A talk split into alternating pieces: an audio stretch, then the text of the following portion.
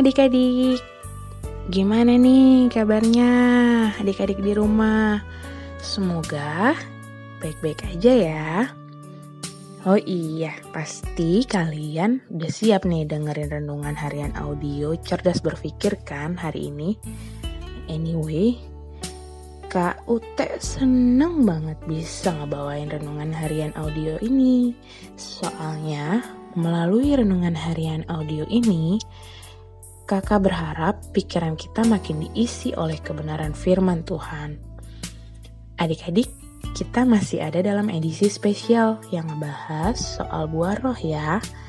Itu terambil dalam kitab Galatia 5 ayat 22 sampai 23 yang bunyinya tetapi buah roh ialah kasih, sukacita, damai sejahtera, kesabaran, kemurahan, kebaikan, kesetiaan, kelemah lembutan, penguasaan diri.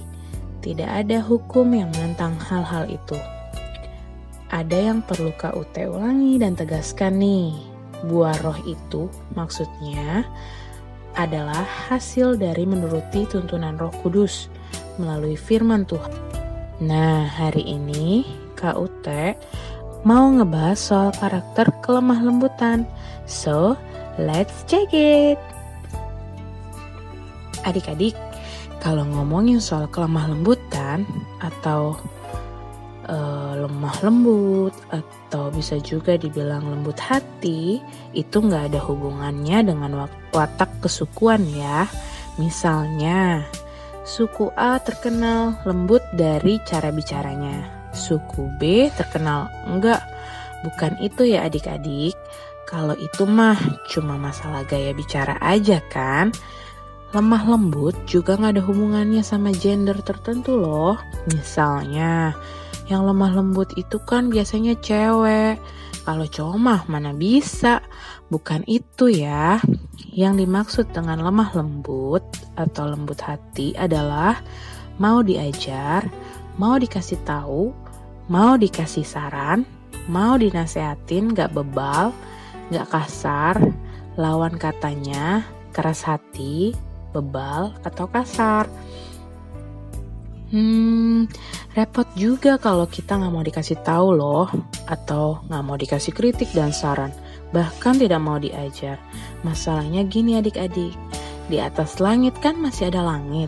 Artinya selalu ada orang yang lebih baik dari kita.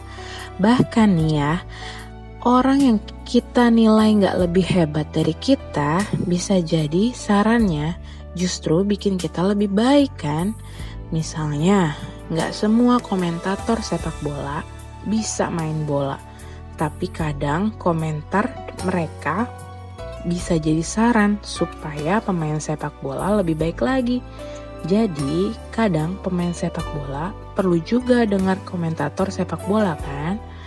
Adik-adik, sebagai anak di dalam keluarga, sebagai teman bagi teman-teman adik-adik, sebagai murid di sekolah, terutama sebagai orang Kristen, harus mau diajar, dikasih tahu, dikritik, dikasih saran, dan dinasehatin ya. Misalnya, adik-adik jadi ketua kelas. Adik-adik harus mau dengerin saran teman adik-adik. Kita nggak pantas bersikap kayak gini. Dia kan cuma siswa biasa. Dia kan nggak tahu soal jadi ketua kelas. Ngapain juga aku dengerin sarannya? Nggak boleh gitu ya, itu namanya keras hati dan sombong juga kan? Nah, tapi nggak semua nasihat harus kita turutin. Kalau nasihatnya adalah nasihat buruk, ya mending nggak usah diikutin. Soal saran atau nasihat sesama aja kita harus dengerin. Apalagi soal firman Tuhan, itu sih wajib ya. Soalnya firman Tuhan adalah petunjuk dari Tuhan itu bisa disampaikan melalui pembacaan Alkitab, khotbah pendeta, pengajaran di sekolah minggu, dan renungan harian yang kesemuanya bersumber dari Alkitab. Apalagi ini ya, Paulus pernah bilang gini dalam 2 Timotius 3 ayat 16.